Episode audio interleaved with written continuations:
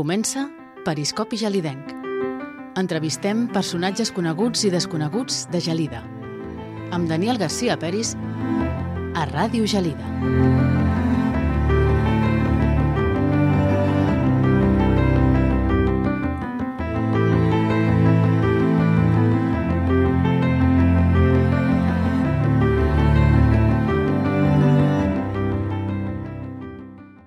Bon dia i benvinguts a un nou programa.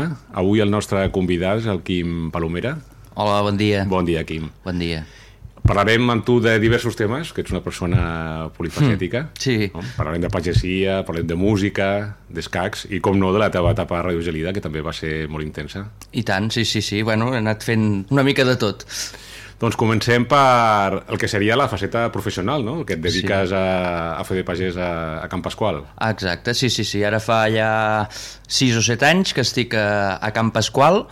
Eh, bueno, eh, jo sempre dic que, que si algú m'hagués preguntat allò, tu què vols ser de gran, al final jo voldria, voldria treballar a Camp Pasqual o eh, en definitiva a Gelida no? i a més a més doncs, amb un contacte a la terra per tant eh, és allò que assolits els objectius de, de, de què volia ser de gran no? per tant estic molt content de, de la meva feina ara mateix I com va ser que et vas interessar per, per treballar a la terra d'entrada? Bé, Um, jo vaig, vaig, a, bueno, vaig acabar l'ESO no? I, i llavors hi havia la disjuntiva de, que, de què estudiar, què seguir estudiant o no, perquè jo mai he sigut un bon estudiant, i llavors ja a batxillerat ja no m'hi veia, ja no m'hi veia fent-ho.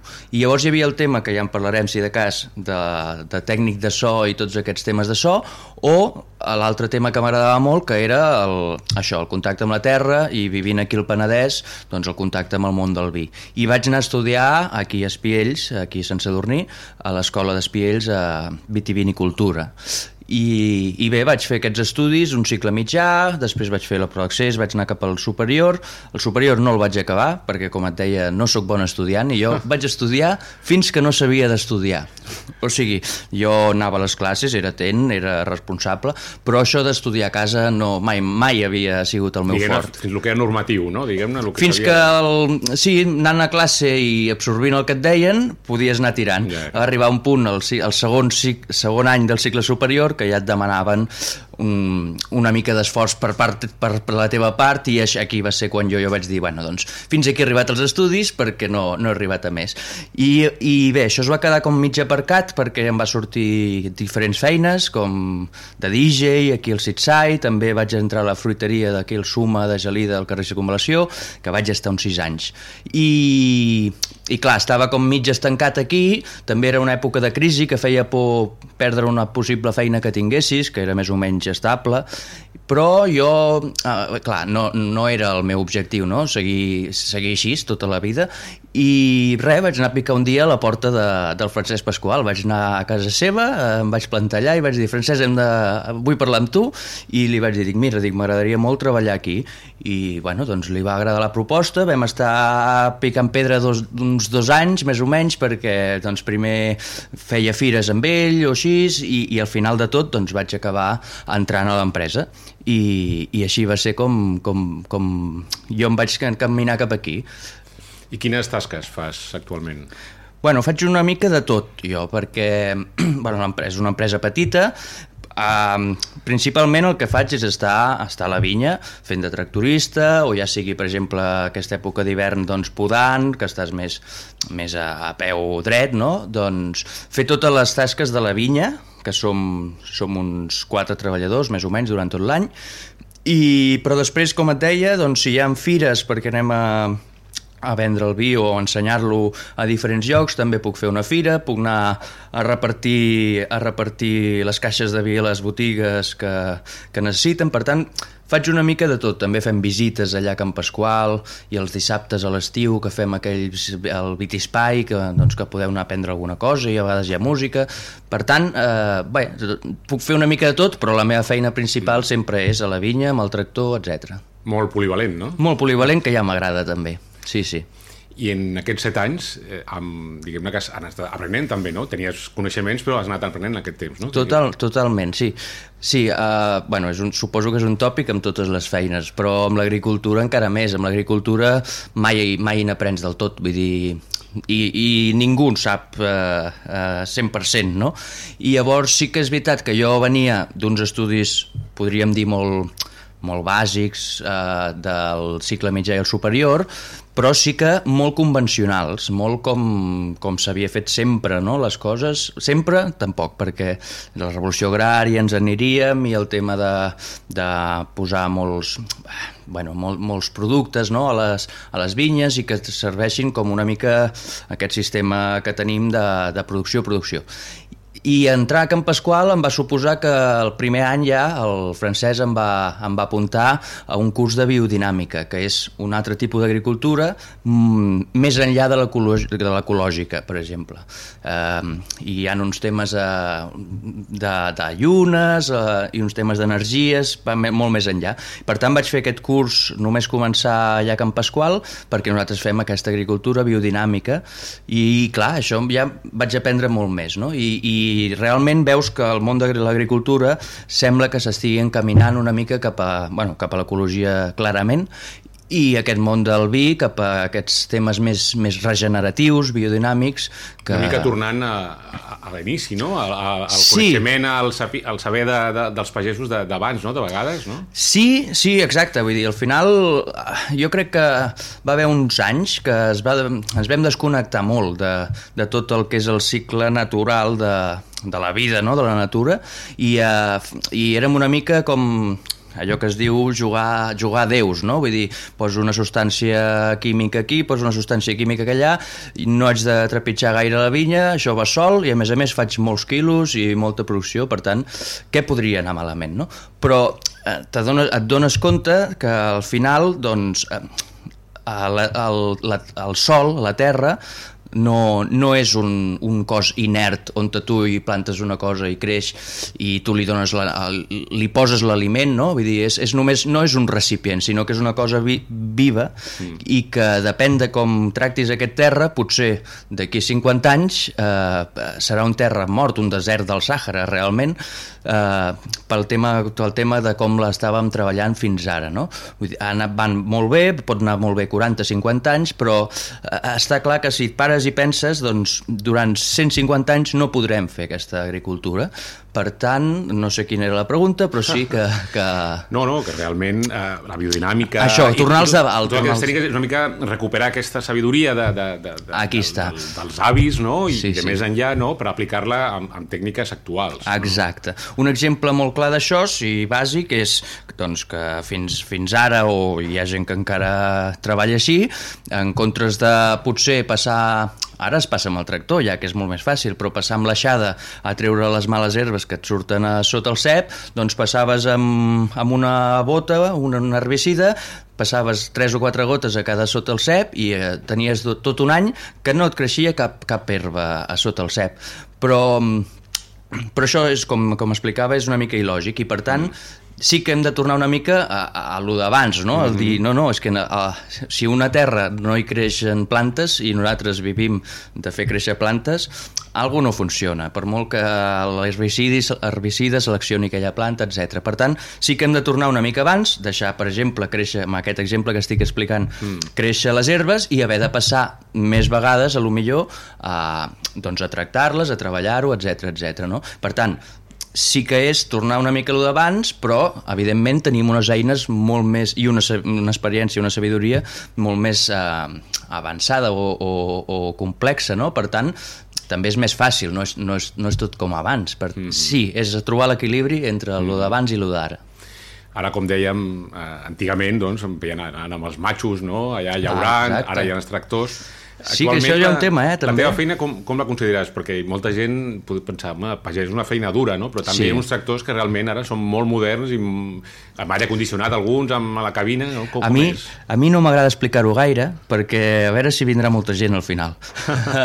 no, però sí que és el que tu dius, no? Els tractors abans, per exemple, anaven sense cabina, eh, aguantant el fred, l'herbicida que tiraves, perquè també no estaves cobert tu i si feia una mica de vent, te l'empassaves tot, que això també és un, un tema, no? el contacte amb, amb tants químics, i, però bé, tractors amb, amb aire condicionat, amb calefacció si vols a l'hivern, tot i que l'hivern no el fa servir gaire, el tractor, eh, i, i també altres, altres ajudes, com per exemple les tisores, quan, quan podes, les tisores abans eren manuals, no? i mm. acabaves la jornada de 8 hores que, que la mà, bueno, si te la donava, eh, trencava tots les, els, els ossos perquè quedava... I ara portes, eh, si no són elèctriques, són pneumàtiques amb aire comprimit, que ja són més antigues, vull dir que, que tot ha anat millorant moltíssim, no? a part, per exemple, jo ara l'hivern que estem o que estàvem podant, doncs la gent pensa, ostres, quin fred, no?, l'hivern. Sí, bueno, són dues hores, de, jo que sé, si t'hi poses a les 8, de 8 a 10, però un cop surt el sol, de 10 a 3 i a 4 de la tarda, aquí a Gelida, amb el solet que fa, s'està, bueno, tu ho saps perquè vas a córrer a vegades que jo et veig, sí. uh, s'està mm, meravellosament bé. Vull dir, sí que són dues hores de fred, però hi ha altres feines que jo penso, com per exemple de paleta, que estàs més en contacte amb l'aigua, que estàs mm, també exposat, que, i que potser no et toca el sol, perquè estàs al mig d'un poble i, i no et toca el sol, que, que són molt més dures en aquest sentit. I a l'estiu, igual, molta calor, sí, però bé, ara la barema s'està just s'està cada cop cursant més i estem collint a l'agost amb 40 i 42 graus de temperatura, això és veritat i no t'ho negaré, però també és veritat que durant el juliol i el juny et pots anar trampejant les feines per fer-les molt d'hora al matí i després fer altres feines. Vull dir que es pot anar trampejant molt els temes eh, de la climatologia, a part de les comoditats del tractor, etc. Per tant, és una feina que sí, pot ser una mica sacrificada, però no és ni molt menys el d'abans i crec que vivim bastant bé. I els horaris? Perquè abans sempre es comentava que els pagesos no, no tenen dissabtes gairebé ni diumenges, no? Perquè de vegades mm. s'ha de, de fer feina que no, no, no, el camp no entenc de, de caps de setmana, no? Tot això també ha anat canviant bastant perquè, per exemple, a mi el francès sempre ens explica no? que abans es treballava de sol a sol, que deien, mm no? I la gent es passava el dia a, a, la vinya, vull dir, de, de 8 del matí a 7 de la tarda o a l'hora que, que es pongués el sol, però també perquè per exemple, com que ja feien tot l'horari, eh, paraven potser una hora i mitja al migdia, feien una mica de foc, i també aquesta cosa que l'hem perdut, eh, de, de fer més, més colla, etc etc. Ara és més com una feina normal i corrent, que tens 8 hores laborals per entendre'ns, o, o depèn de l'època, sí que és veritat que anem oscil·lant, vull dir, hi ha èpoques que tens molta feina i fas més hores, èpoques que menys. Però, però és més una feina com de dilluns a divendres, eh, tret de la barema i de que hi hagin, ja et dic, eh, sempre hi ha problemes que potser a la primavera tens malalties i dissabte i diumenge has de treballar perquè el divendres a, o el dijous ha plogut i no has pogut treballar aquests dos dies. Vull dir que sí que ens anem trampejant, però normalment la feina és de dilluns a divendres i, i 8 hores. Vull dir, jo entro a les 8 del matí i normalment sortim més o menys a les 5 de la tarda, quarts de 6, etc. Vull dir que, que és una cosa també molt, molt regular elevada ara. Mm. Els estudis i les estadístiques diuen de que, malauradament, eh, hi ha, els pagesos tenen una edat mitjana doncs, molt avançada no? I, i, que, i que molts d'ells doncs, es troben de que no tenen relleu. No? En el teu cas, tu ets un pagès jove, no? Però, sí. com, però potser no és, no és el que més, més habitual, no? No, a mi ja m'ho diuen, que no sóc gaire habitual, això, però això en moltes facetes de la meva vida. Um, però és, és totalment cert i ara tenim, tenim suposo tots, la visió de, del Carràs, que ens ha portat mm, a la cara no? doncs, tot aquest problema de problema que es deriva de, dels preus de, de la fruita, del, del maltracte que hi ha en el sector, i és evident que molta gent, o sigui, ara, abans, abans, eh, fa 30-40 anys, si tu tenies un, un tros de vinya i una mica, doncs podies anar trampejant, a lo millor no vivies d'això, però, però sí que et sortia a compte. Ara mateix, si tens 3-4 hectàrees de vinya, eh, tens gastos, o sigui, no, no, no, no pots, eh, no et surt rentable. Per tant, totes les, la, les petites finques de pagesos que tenien un trosset de terra que se'l podien anar fent ells, etc. tot això està en perill d'extinció perquè, està, mm, perquè el, el, el, el gran està menjant-se el petit. Eh, com que no són rentables, què passa? Que al final es van ajuntant i vas tenint, bueno, a mi és que és així, una mica de latifundis, perquè, perquè si no no és rentable el negoci en si. No és per fer calés, eh? és simplement per resistir i aguantar i que, que, que no estiguis gastant diners en comptes de, de guanyant-ne. I això és un problema, i clar, la gent jove, doncs, veient el panorama, el panorama i veient que el que has de fer és comprar terres, que has de fer una inversió enormement gran per poder ser rentable, és que és molt complicat entrar, entrar en aquests temes. I llavors, la, clar, la gent està envellint, els joves estan anant a fer altres feines perquè, eh, vull dir, podem fer clar, ara mateix eh, el món s'ha fet petit, no? I, I tothom pot ser el que vulgui ser. I si pot ser el que vulgui ser, doncs tries una feina que millor no, no sigui mm, tan, no tan esclava, sinó que tan insegura econòmicament parlant. Comentaves el Carràs, no? que hi ha sí. doncs, a la plana de Lleida, doncs, el, el correu habitual són els presseguers, en el nostre cas el Penedès no. Bueno, si, ten, si agafem la banda de, del préssec d'Ordal, que aquí al Penedès tenim la vinya, el raïm, Fambí, i evidentment Camp Pasqual és així.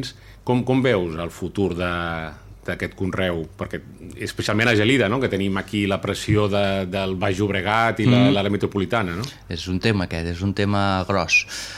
Uh, clar, veient un, la, amb aquest últim tros que m'has dit, uh, la pressió del Llobregat, realment ho veig, ho veig una mica magre.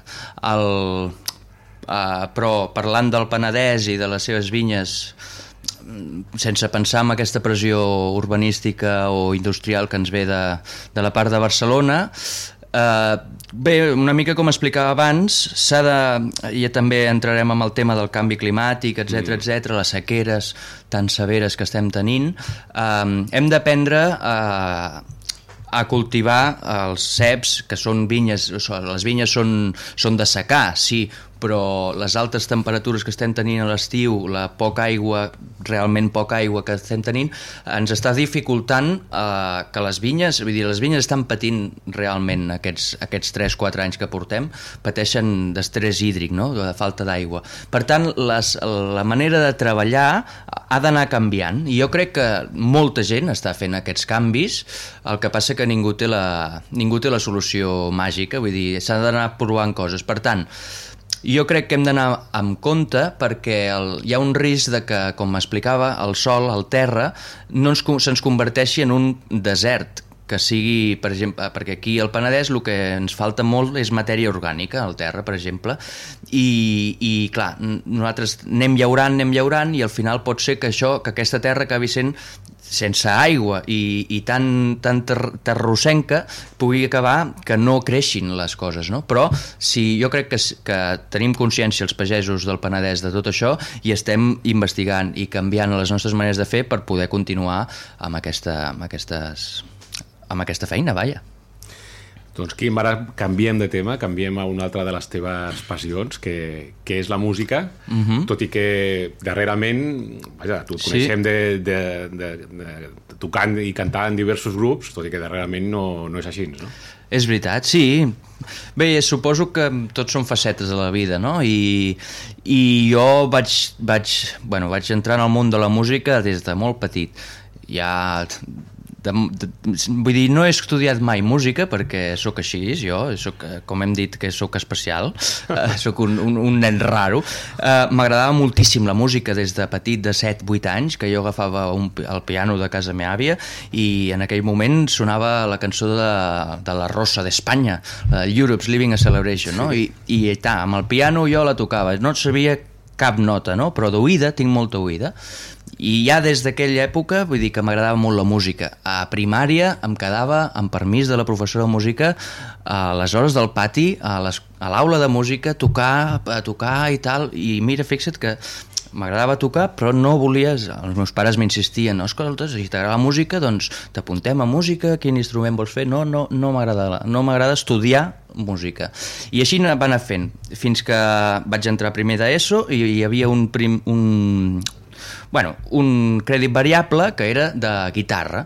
Llavors aquí sí que ja els hi vaig dir als meus pares que em faria gràcia, però clar, s'havia de comprar una guitarra, que dius, bueno, fa gràcia, però, però hem de comprar una guitarra, vull dir, pensa tu bé, que no sigui una cosa... D'un dia, d'un cap de dia, setmana, no? exacte. Sí. Jo, no, no, a mi em sembla que sí.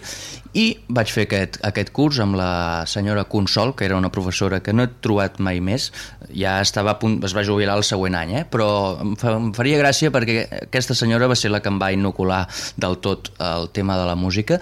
I vaig fer tres, tres mesos de guitarra. I, i a partir d'aquí ja m'agradava la guitarra, tocava i Uh, res, estem parlant de primer d'ESO, 12-13 anys, doncs amb 13-14 anys jo ja començàvem a tenir el primer grup de música que es deia Massacrats, aquí a Gelida, i, i tocant la guitarra. Per tant, des de ben petit que ja tenia, tenia grups de música, etc etc. no? I he viscut sempre a, a dalt dels escenaris uh, fent el que es podia, la veritat. I, Total, que van, vaig anar passant de diferents grups de música i sempre anaven cap, mm, enllaçant un grup amb l'altre, no? Si s'acabava un, a vegades s'acabava perquè n'havia començat un altre, no, no, no s'acabava i després en començava un altre. Solapava una mica. Solapaven els grups, vull dir, n'he tingut, en algun moment n'he tingut tres de cop, vull dir, una, una mica una bogeria. Sempre amb gent de Gelida? Gent de Gelida i, i, i al voltant, però sempre al voltant, eh? Vull dir, pobles que toquen a Gelida, vull dir, Martorell, Castellví, Sant Sadurní, tot molt, molt local això sí que també ho tinc. I després vaig passar de la guitarra, com que bueno, vaig fer algun curs aquí a l'Escola de Música quan començava, eh, vaig fer un any o així de, de solfeig i música, però bueno, tampoc m'ho prenia jo molt, molt, molt en sèrio, la veritat, eh, sincerament s'ha de dir.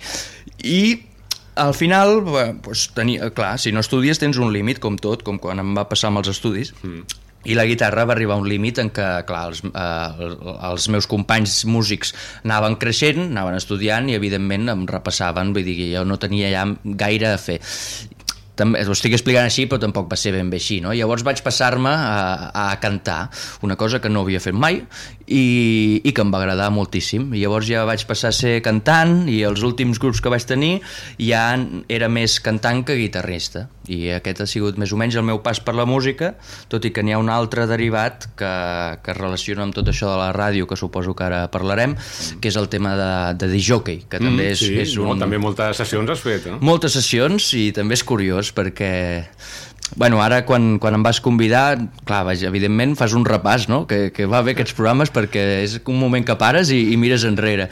I, i realment, doncs, bueno, haig d'agrair al Jordi Sayol, que del, de, bueno, anava a dir del Sitsai, però el Jordi Sayol és de Gelida, ja el coneixem tots, i que portava el Sitsai i és el que em va, em va animar. Jo ja feia, com que venia de la ràdio, eh, feia alguna cosa amb la, amb la música punxada i em va animar a, anar a punxar al Sitsai.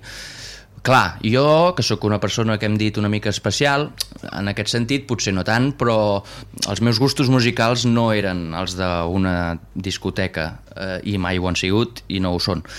De fet, quan jo vaig començar a punxar el Sitsai, Uh, bueno, legalment potser no podria, no podia fer-ho, però igualment no havia anat mai a una discoteca jo, o sigui, jo no havia posat els peus a una discoteca. Llavors com, com, com t'inspiraves, però d'una ah, manera? Exacte, aquí està la pregunta que jo no responc. No, sí que és veritat que, com deia, i haig d'agrair molt, el Jordi Sayol, uh, bueno, jo tenia unes nocions de, de música, però, clar, la meva música era el rock català, músiques d'esca, músiques molt alternatives, i músiques que li agradaven al meu pare, que també connectava amb el Jordi Sayol, no? la ELO, els grups d'Aire Straits, etc etc. Però, evidentment, a tot això no, no em funcionava per punxar a les 3 de la matinada al Sitsai de Gelida. Amb el Jordi, a les primeres sessions, ell em va ensenyar... Bueno, ell punxava i jo me'n recordo amb, amb unes llistes, amb uns post-its, vull dir, mm, fer llistes de totes les cançons que anava posant ell i, i, i clar, jo anava descobrint, dic, ah, aquesta cançó que sí que em sonava, que havia sentit i que la gent la ballava bojament perquè era el hit de l'estiu, dic, es diu així, saps? Perquè jo, clar, les, les, allò que les coneixes de la ràdio, potser, però, però és que a més a més cap interès en aquestes cançons, eh? I, i bueno, moltes llistes, moltes llistes pistes i anar aprenent, anar aprenent, i al final, mira, doncs, agafes una base, saps més o menys què funciona, també t'he de dir que no tot era la música de discoteca d'últim hora, últim dia, perquè el Sitsai era una música que diem de patxanga, mm. vull dir que, que es posen músiques antigues, rumbes, noves, que tot això encara ho coneixia bastant, però el, el fet de posar David Guettes i Daddy Yankees i, i anava a dir sa mare de... doncs tot això ho desconeixia totalment. I, però un cop hi entres i vas fent, doncs llavors cada setmana anàvem mirant les llistes, els 40 principals i, i clar, un cop estàs dintre, i al dia a dia, ja sí que vas incorporant les noves cançons que sonen, etc etc i ja ho tens muntat. Però mai m'ha agradat aquesta música perquè pel que veig és un, diguem-ne, és música, però són facetes molt diferents, perquè amb, amb el teu grup doncs, tocàveu les cançons que us agradaven, les que podíeu eh, crear, les que podíeu versionar, en canvi amb el, amb el DJ t'havies de, diguem-ne, el que volia el públic. No? Exacte, sí, sí, era això, era el que volia el públic, jo sempre ho, jo sempre ho, ho deia, ja, ho dic ara perquè estic retirat i ho dic així en públic, no? ho deia en privat, de deia, jo per escoltar aquesta música cobro, no? perquè realment a mi no m'agrada mai, però, però sí que una cosa és el que a tu t'agrada i l'altra és que sí que trobo que jo tinc una mica de sentit musical o oïda que parlàvem abans i el tema de barrejar cançons, una quina enganxa amb l'altra, què és el, llegir el que vol el públic, perquè jo sempre ho explicava, depenent de com ballen una mateixa cançó, sé que la següent ha de ser una cançó de rumba o ha de ser una cançó de reggaeton, no? Perquè si estem ballant una cançó de, com de house, que és una mica mm, sense, cap, o sigui, sense tirar cap, cap estil, no? ni, ni molt reggaeton ni molt de, de rock en comptes de rumba.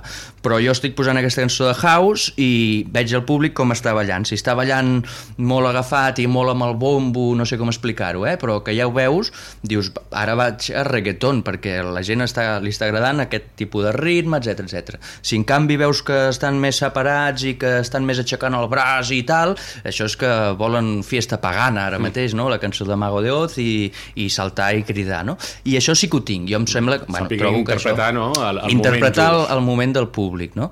I aquesta ha sigut, bueno, crec, i, i és que si no ha sigut aquesta no ho entenc, la meva gràcia de, de punxar.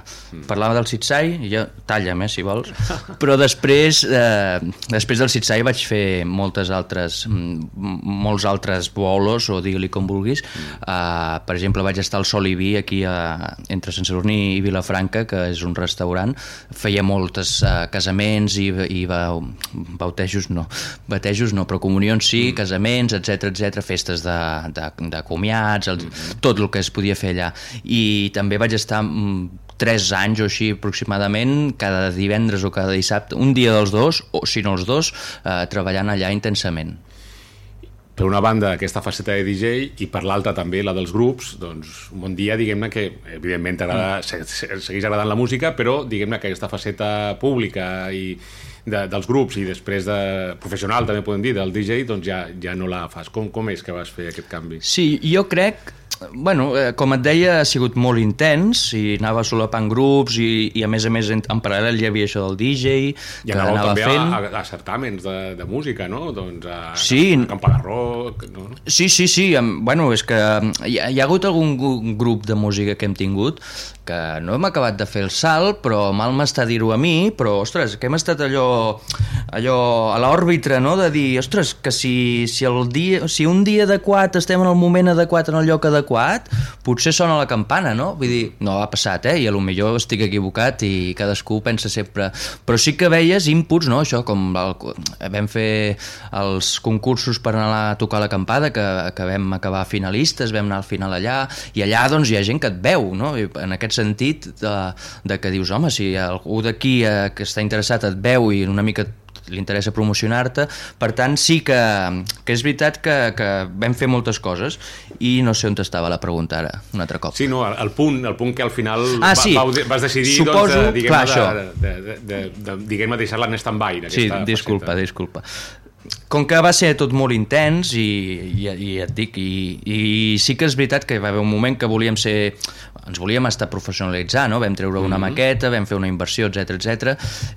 Va ser molt intens, però no va acabar de funcionar del tot. I llavors tot va relacionat, perquè també vaig començar a treballar a Can Pasqual, que és, com et deia al començament, era una mica el meu objectiu de vida, no? Mm. Per tant, eh, arribes a que tens el, el tema laboral cobert i, i la música, que és més un hobby, etc etc, fa tants anys que ho fas, es van acabar els grups, en, no vas, vas solapar amb cap altre grup, i jo pensava, bueno, acabes aquest grup, però ara, ara en sortirà un altre, no?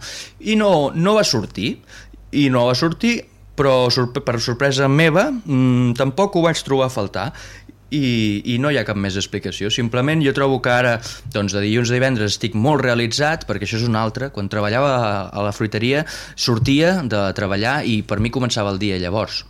Ara no, ara el dia comença a les 8 del matí quan vaig a treballar i quan arribo a casa mm, no tinc la necessitat de sortir i realitzar-me, o sí, eh, vull dir si vull, però no tinc la necessitat de és que ara comença el dia, haig de fer alguna cosa. No, ja les coses ja les he fet, per tant em quedo a casa més tranquil i llavors suposo que tot això també ajuda a relaxar una mica les activitats extraescolars que dic jo i, i aquí estem, que la música de moment doncs no, no ha tornat a, a ressorgir i mai tanquem la porta.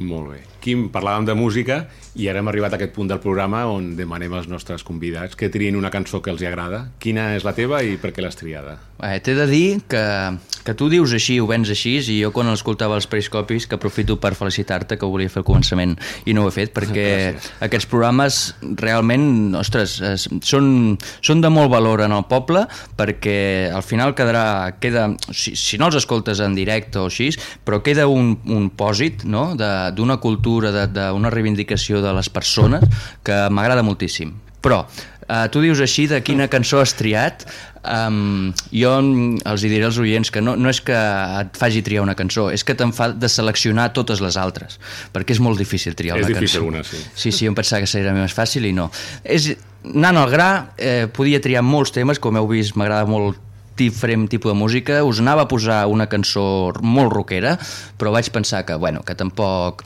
tampoc calia, i al final he triat Ovidi Montlló, i també una mica perquè centra una mica tot, no? Vull dir, de l'Ovidi surten molts grups de música de la meva joventut, Obrim Pas, La Gossa Sorda, etc etc tal, però a més a més eh, jo escolto ara mateix molta música d'Ovidi Montlló, de Víctor Jara, de Paco Ibáñez, m'encanta aquesta música de, bueno, la nova cançó catalana, però també la cançó d'autor, no?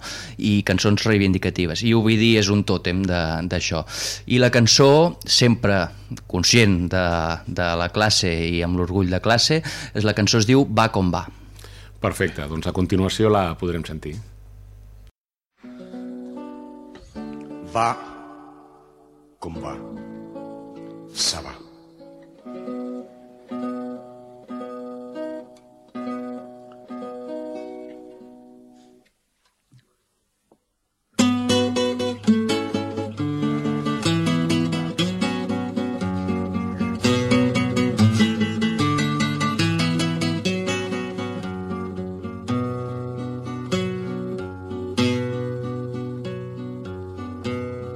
A tu t'emprenya molt que jo tingui mania.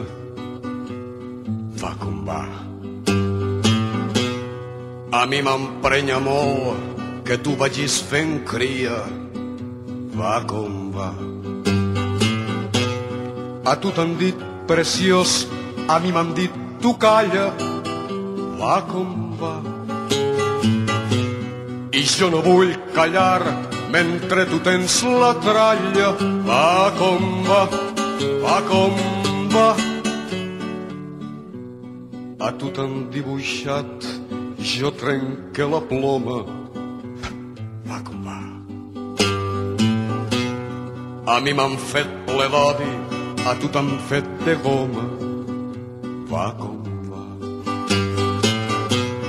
A tu t'han dat l'herència, a mi m'han dat la vida. Va com va. A mi em toca lluitar, a tu prendre la mida. Va com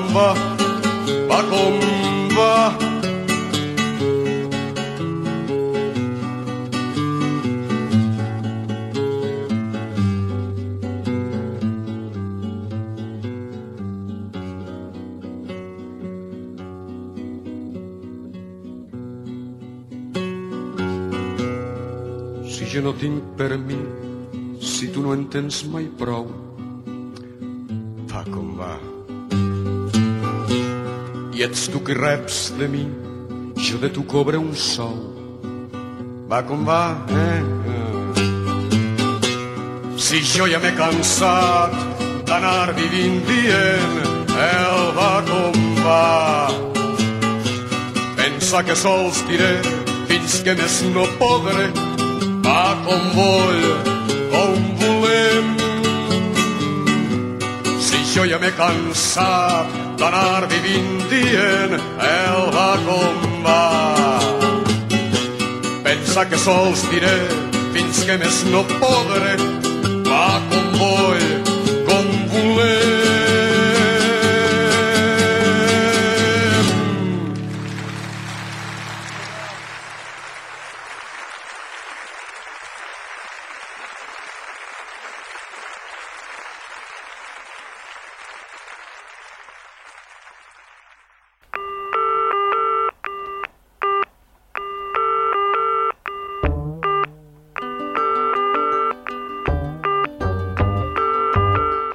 escoltant Periscopi Gelidenc amb Daniel Garcia Peris a Ràdio Gelida.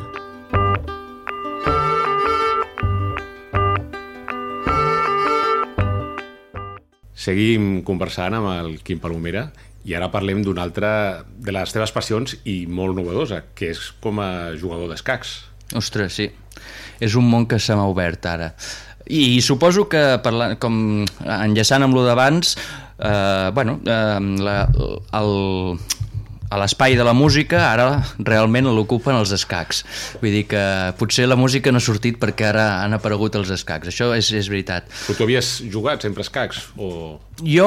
Com l'has après? No, jo, o sigui, a veure, sabia jugar a escacs, sabia moure les peces, que es diu, no? Vull dir, mm, m'havia ensenyat el meu pare, com a molta gent comença així, i feia al- alguna partida, però com qui fa una partida del parxís o de la oca, no? Un, un, o un monopoli, un dia, mm, donat, i, i va arribar el Gambito de Dama, aquella sèrie de Netflix, que bueno, doncs que no sé per què al final, perquè no, de fet no, no, no acostumem tampoc a veure molt les novetats, mm. però aquesta sèrie sí que la vam mirar a casa amb la, amb la Mary, la meva xicota, i, i estava bé, no? Ve- Veus la sèrie i, ostres, els escacs, no, no, tampoc sabia molt, no? Un món de friquis també és el que penses, no? Que, que vinc a desmentir, eh? Però, però bueno, miràvem la sèrie i quan acaba la sèrie o el capítol, doncs clar, tens ganes de jugar una partida d'escacs i jo ara ho explicaré i jo sé la visió que hi ha externa eh, de lo que explicaré, però jo us afirmo que no, no és eh, un acte de, rebel, de, de rebeldia ni de, de, de venjança. Però vam jugar tres partides amb la meva xicota i vaig perdre'n dos i, i una no. O sigui, vam quedar dos a un i em va guanyar ella i jo vaig pensar que... Però no, no perquè m'hagués guanyat, jo ho dic, ja sé que es veu així, eh?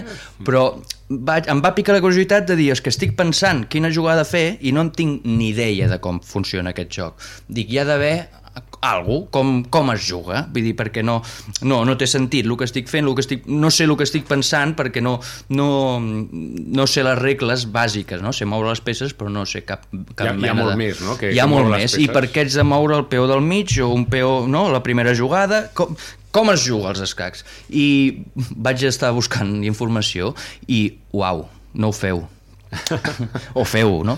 Però se t'obre un món perquè és, és... jo em pensava, dic, bueno, jugues 50, 100 partides i és, és que les coses no poden ser gaire diferents, vull dir, ja no és que t'hagis passat el joc, però ja els tens tot pis, no? Vull dir, aquest, mm, si poso el cavall aquí, l'altre posa el cavall allà, i una cosa limitada.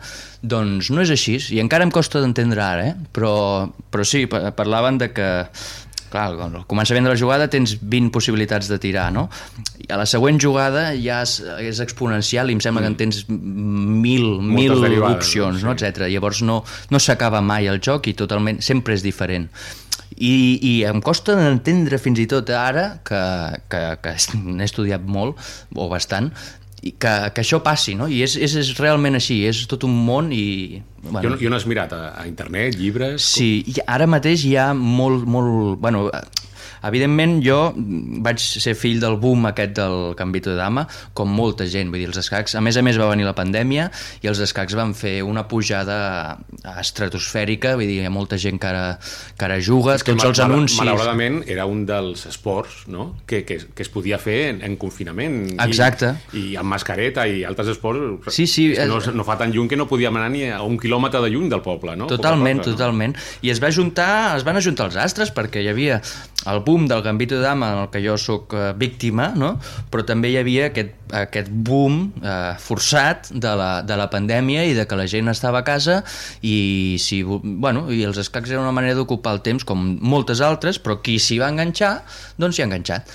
Uh, I llavors ara mateix hi ha molt de material, però, però moltíssim. Uh, al mateix YouTube, gratuïtament, tens uh, infinitat de, de youtubers d'aquests que es diu ara, que et fan classes, que analitzen partides, que juguen en directe explicant-te què és el que pensen ells o com juguen, però ja et dic, classes de tot, perquè és que, bueno, els escacs, ja et dic, estudiar és, és complicat, però és que pots estudiar la part de l'obertura, la part del mig joc, la part del final, la part de la tàctica, la part de l'estratègia, la part de la psicologia, que ja això és una altra cosa.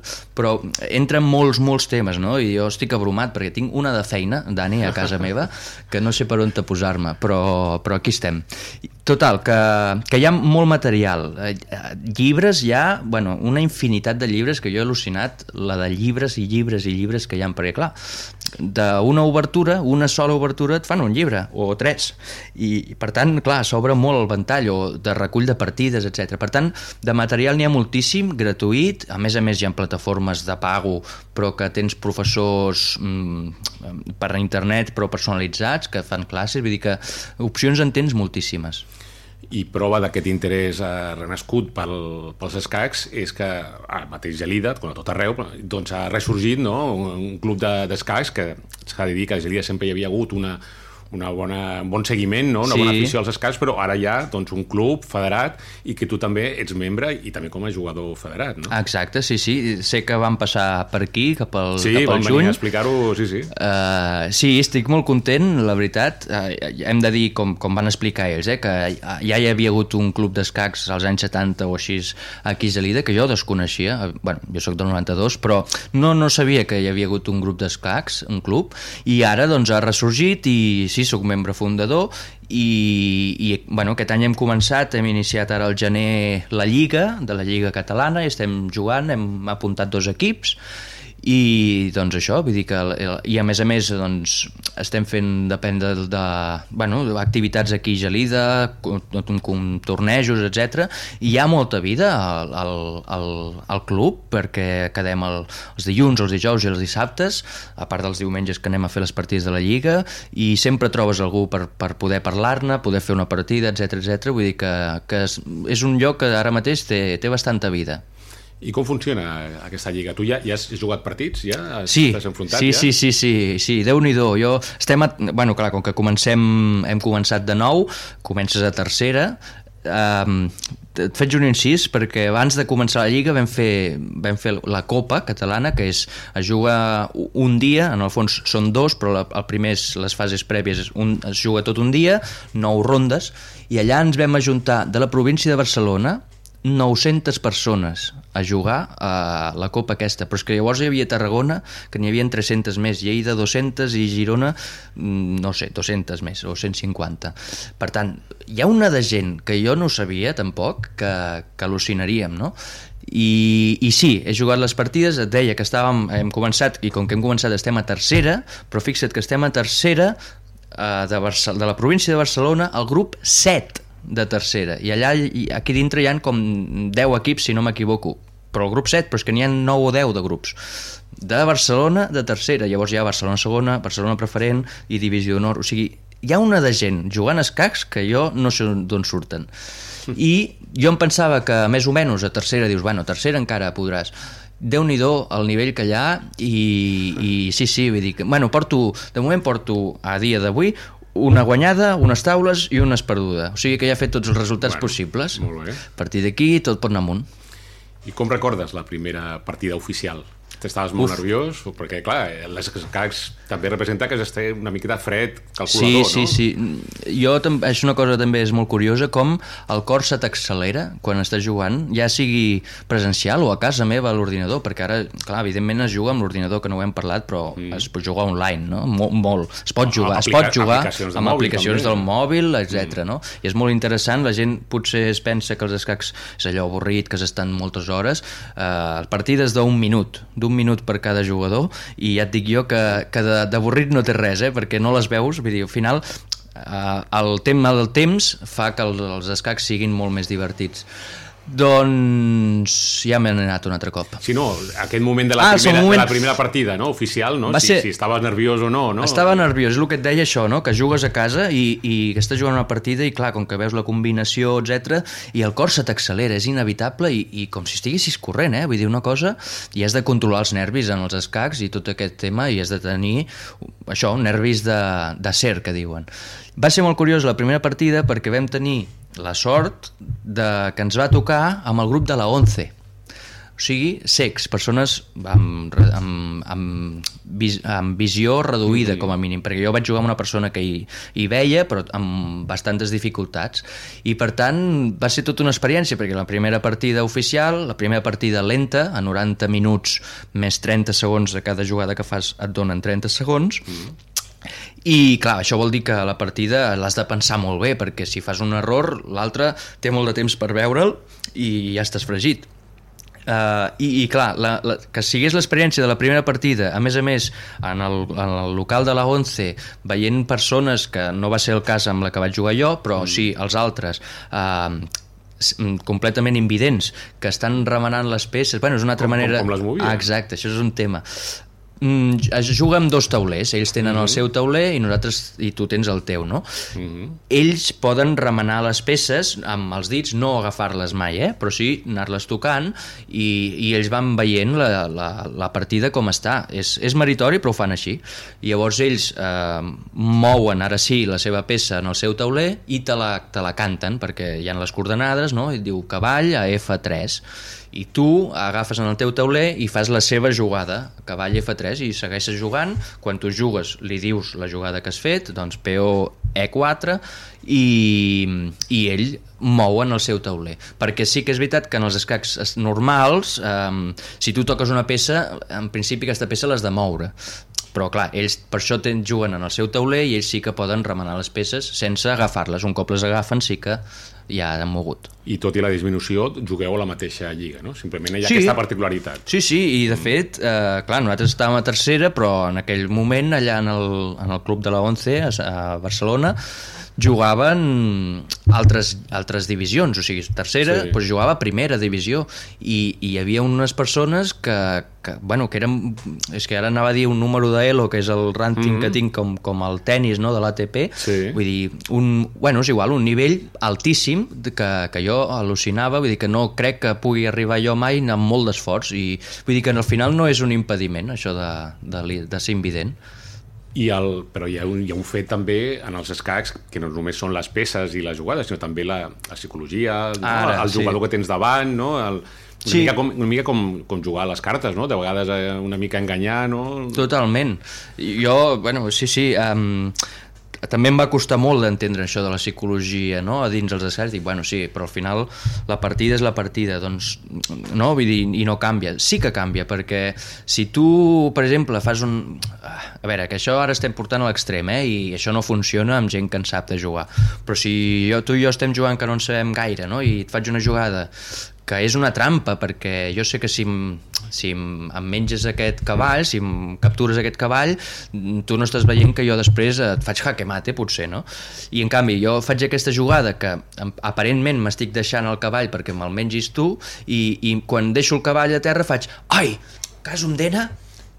Doncs mm. això et pot induir a tu a dir sí, sí, s- s'ha equivocat mm, i sense pensar et menges el cavall, no? Això estem portant un extrem molt extrem, eh, sí. per entendre-ho. I llavors jo, quan tu has menjat el cavall, dic, ah, no ho has pensat tot perquè jo ara, mira, poso la dama aquí i ara tens mate imparable que no el pots parar perquè t'has desviat d'aquesta peça.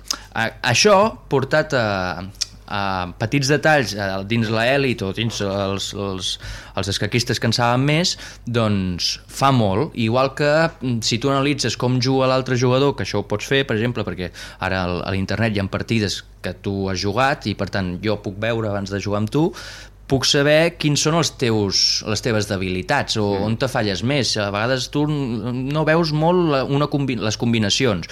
Doncs jo miraré de fer la partida amb moltes combinacions o al revés, no? Com qualsevol altre esport que, que estudies al contrari, no? Exacte, mm. i jo et diria que està, que està més, vull dir que, que aquí es nota bastant, no? Perquè si saps com molestar... Bueno, com tots els esports, sí, potser sí, més ni menys, poder, poder igual, va.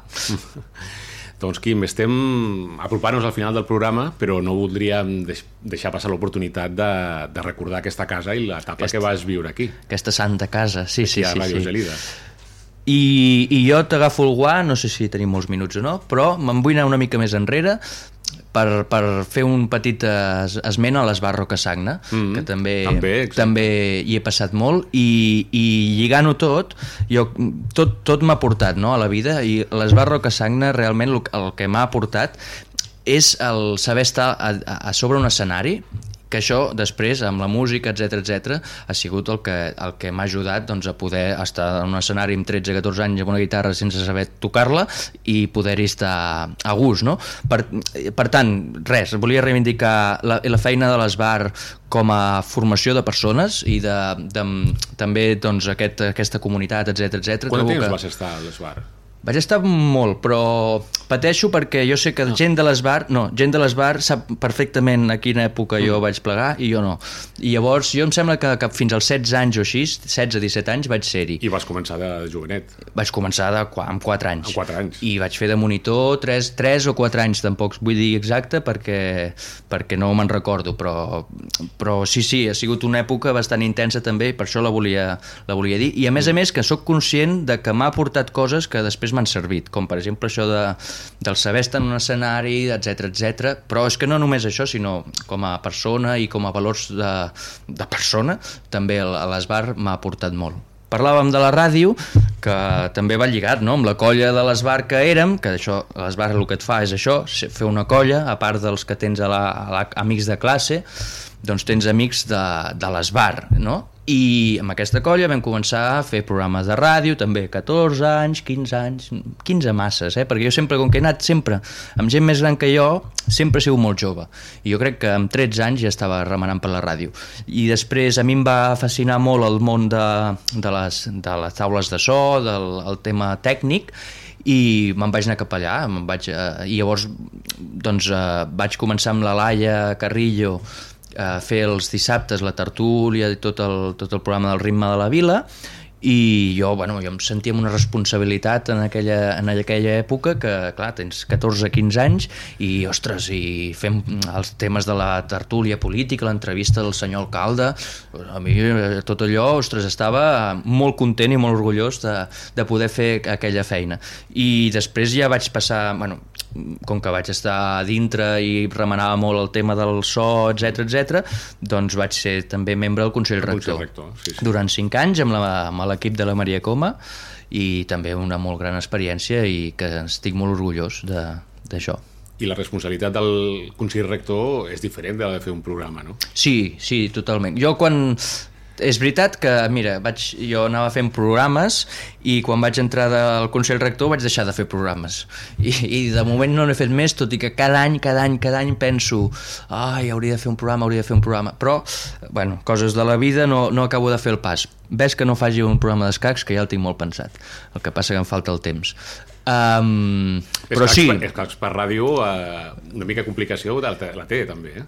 Sí, sí i no, perquè bé, hi ha programes de ràdio d'escacs de, que jo segueixo d'aquí a Catalunya, mm -hmm. es diu Xarxa de Mat, doncs deixem-ho dit, i, i clar, però es pot parlar de la, com un esport, vull dir, al final parlar de futbol per la ràdio eh, també podria, tenim molt normalitzat, però et podria estranyar, perquè, doncs bueno, pots parlar de la competició, d'aquells jugadors, de com juga aquell, de com juga l'altre, eh, hi ha molts temes a parlar, i a part, mm -hmm. a part els escacs connecten amb la història eh, de l'any anys, dels anys, des del 1700 cap aquí, que hi ha moltes coses molt curioses que van en paral·lel a la història i per tant es podria fer un programa d'escacs i història per, amb la Maria com a mateix, sí. eh, que seria allò, doncs mira, jo et porto aquest, aquest jugador que va ser el millor del món a aquesta època i en aquesta època què passava? Doncs mira, hi havia la Revolució Francesa. T'explico un exemple només, eh? Mm. A la Revolució Francesa el, el millor jugador del món era francès, era un tal Filidor. I aquest senyor, abans de que passés aquesta revolució i tot això, que jo no t'explicaré bé, va dir la frase dins els escacs de que els peons són l'ànima dels escacs. Fins a llavors no, ara ho tenim molt integrat, eh, de que l'estructura de peons és el que regeix la partida, però fins a aquell moment no se sabia, i jugava molt a peces i canvis i captures, bueno, com a l'edat medieval.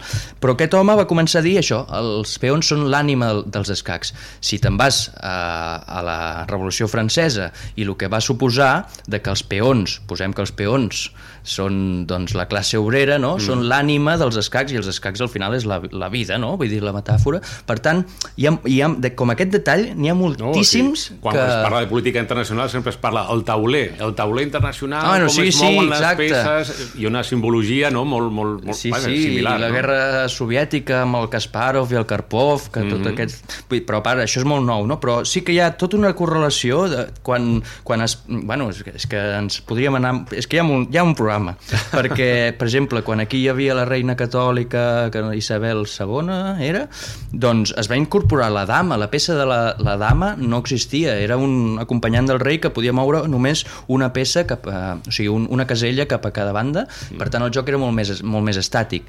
Quan va haver la reina catòlica aquí a València, es va incorporar la dama al tauler fent-la la peça més poderosa de totes, no? Vull dir que també hi ha molts, molts detalls que, que es junten amb la història doncs tenim pendent aquest, aquest programa i, i, i parlàvem d'això, de que Consell Rector doncs, Això. t'impedia una mica fer eh, programes, no? Exacte. Sí, no impedia, hauria de però- fer-ho, però, però la veritat és que porta molta feina. porta molta feina i la feina que tu dediques, les hores que tu dediques a la ràdio estan, estan ocupades per totes aquestes responsabilitats que tens, que sí que, que és un nivell de responsabilitat, penses que bueno, doncs durant aquests cinc anys, no, cada cop que girava vent, cada cop que, que plovia una mica, que no passa mai res, eh, o quasi mai, però, ostres, sabies que si hi havia un problema a la ràdio, eh, tu l'havies de solucionar, no? I, i aquesta responsabilitat, doncs, bueno, és important i, i la vam portar amb, amb molt d'orgull també. I també les unitats mòbils no? a l'exterior, que també porta un, un desplegament, o les eleccions, no? que aquest any també n'hi ha unes i Uh, també s'ha de cobrir. sí, no? nosaltres vam ser el Consell Rector de les eleccions, perquè vam agafar un anys, uns anys convulsos i, i bueno, van haver eleccions anticipades, bueno, moltíssimes eleccions, a més a més referèndums, a més a més a pseudo-referèndums, vull dir, bueno, ja va haver, va haver de tot i més, i, i va ser una època molt bonica de poder-la fer en directe amb la ràdio, perquè sí que no feia programes, però millor els especials aquests sí que els fèiem al Consell Rector, no? Per tant, estaves... Eh, recordo, és que estic recordant l'1 d'octubre mateix, no? Que vam fer eh, bueno, una, un, una un cobriment del que, del que passava aquí a Gelida, però és que a part de l'1 d'octubre totes les eleccions eh, eh, són, són interessants, són, són interessants de cobrir i penses que, que estàs en aquell moment de la història al final, no? I que ho estàs, eh, ho estàs explicant tu i ho estàs vivint tu i això és molt bonic. Doncs Quim, ara sí que hem arribat al final del programa i t'agraïm, com no, que hagis vingut a compartir totes són, penso, passions, no? Una Sí. laboral, la, la de pagesia, però també de la manera que ens ho has explicat, no? I com hem anat enllaçant, no?, amb la música, amb els escacs i la ràdio aquí, Ràdio Gelida, que també molt bones estones has passat. Exacte, sí, sí, i a veure què ens depara el futur. Ja t'ho explicaré, vull dir que jo no paro mai de fer coses. Perfecte, moltes gràcies. Felicitar-te pel programa. Gràcies, moltes gràcies. I ara nosaltres només queda acomiadar-nos i ens retrobarem la setmana vinent amb un nou programa de Periscopi Gelidenc.